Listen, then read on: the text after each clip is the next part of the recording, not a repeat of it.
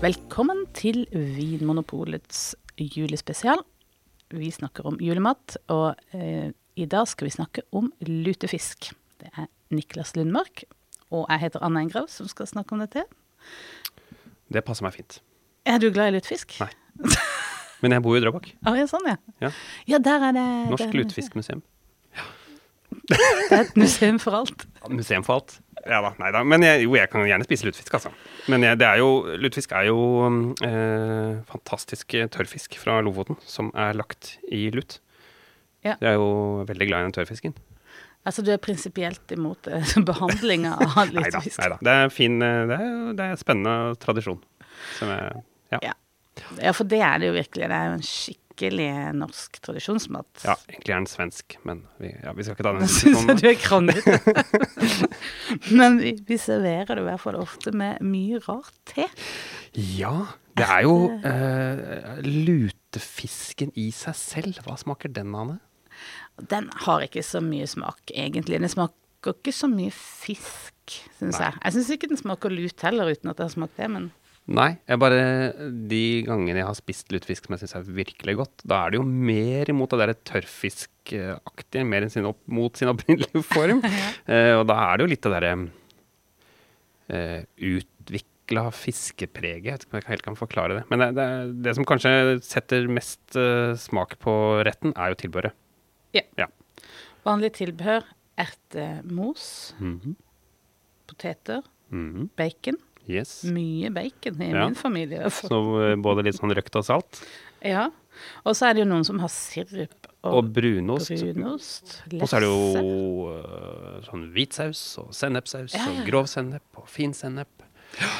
Lista er lang. Ja, lista er lang, og uh, det som kjennetegner det, er at det er, et, uh, det er mange grunnsmaker. Og det er sterke smaker. Mm. Eh, spesielt i tilbehøret. Det er tilbehøret som setter eh, tonen her. Hva skal vi drikke til? Mitt førstevalg, Ja. uten tvil, champagne. Oh yeah. Med litt, som har litt utviklingspreg. Altså har vært på Berme, altså sånn autolysepreg, som vi kaller det. Ja. Hvor de har jo ligget med sånn døde gjærrester. Det hørtes kjempegodt ut. Eh, eh, en stund. Mhm. Eh, så du får litt der aroma av nøtt, soppaktig eh, toast. Det gjør seg godt til eh, lutefisk. Det er jeg helt enig med deg. Og du har den derre boble, boblene så mye, den der rensende munnfølelsen. At Yes. du fjerner alt som er av eh, Lutefisk. bacon, fett og lutefisk. og så kan du begynne på nytt igjen. Um, og så er det noe med, det, med dette her um, Ja, det er litt utvikla preget fra den champagnen. Mm. Uh, jeg syns også det kan være godt med hvitvin til. Ja. Uh, en god Chenin fra Mm. Loire. Den har både frukt, og så har den noe sånn litt sånn nøtteaktig Noen nevner sånn våt ull, men det bør ikke være så ekstremt. Men er litt sånn noe mer enn frukt, Mm. som jeg syns eh, passer godt. Men Men det må være nok konsentrasjon i vinen, da. Ja. Tørr. Helt tørr. Ja. Rødvin er det mange som vil ha også. Det er det. Og det kan også være godt. Jeg tenker sånn til den ertepureen, så er det jo selvfølgelig en del sødme, men det er noe med altså tanninene for noe bryner bryne seg på mot, Mm. den, mot de ertene. Ja. Og, og det eh, baconet. Så hvorfor ikke? Hva, hva ville du valgt? Eh, Jeg hadde en smaking eh, hvor eh, vi hadde en eh, god pinot noir, god kvalitet fra Burgund, og så hadde vi en, eh, en rødvin fra Sør-Ron. eh, og jeg tenkte at den der fra Sør-Ron blir bare, vil jo ta over alt, og den eh, pinot noiren vil være sånn leskende deilig som vil passe veldig godt. Men den pinot noiren ble helt strippet for frukt, og bare satt igjen med noe struktur, litt sånn grønne tanniner. Og den uh, Sør-Ronen med litt sånn moden frukt, litt sånn sødmefull frukt, det var jo kjempegodt. nettopp. Ja. Det er deilig når eh, praksisen liksom kan lære teorien. Ja. Men eh, jeg er enig med dette, den modne frukten. Og det, og det, går- det går jo sikkert an å velge da en eh, pinot noir fra California, kanskje, som har litt mer sånn Nærmer seg noe litt mer sånn sylte- eller gelépreg av Mm. fruktighet, som kanskje vil stå bedre gjennom smaken av maten. Absolutt. Eller kanskje bare gå for noe helt annet. Noe, du er jo en sånn italiamann. Har ikke du noen gode tips til italienske rødviner til eh, lutefisk? Har jeg det? Hva med en frappato? Ja! ja, eh, frappato eh, Men den, den, blir jo veldig sånn bærete, som Ingvild Tjenfjord eh, kaller det. Eh, mens helt, eh, helt, sør på Sicilia så lages det eh, en flott rødvin på frappato og nero d'avola. som gir litt mer av den litt mer mørkere, modnere bærfrukten. Cerasolo di Vittoria. Det kan være et spennende valg. Det, det syns jeg. For, eh, for, de som har lyst til å utforske liksom, litt mer sånn kriker og kroker av vinverden, så mm. kan det være spennende. Ja. Men vi må ikke glemme, eh, det er så mye vi ikke må glemme, for øl og akevitt kommer vi ikke utenom. Nei.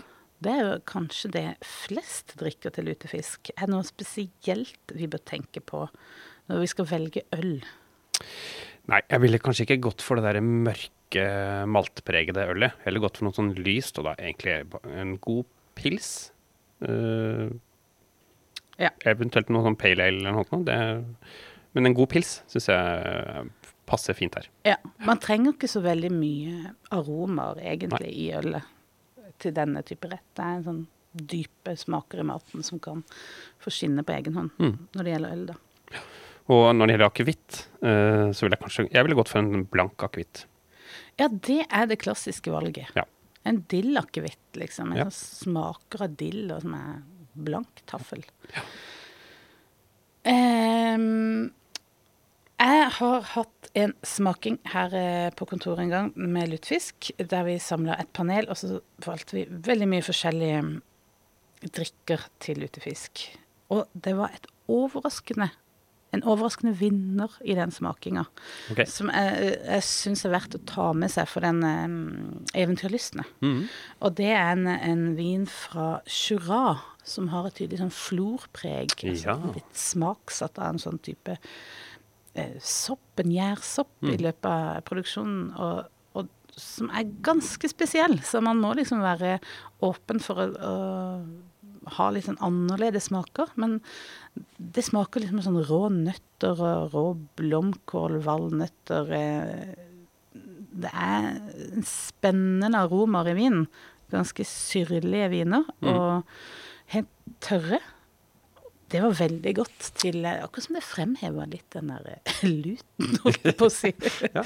ja, men spennende. Florvin, altså? Florvin. Gøy. Alkoholfritt, da? Det må vi ikke glemme. Nei, absolutt ikke. Jeg ville, jeg ville gjort det litt enkelt. Så ville jeg funnet et eh, godt alkoholfritt øl eh, av en lys type. Ja. Og så um, Og så ville jeg ha hatt mer enn nok av det. Ja. Takk for at du hører på Vinmonopolets podkast. Har du forslag til et tema i podkasten? Send mail til podkast at vinmonopolet.no. I tillegg svarer kundesenteret deg på e-post, chat og telefon.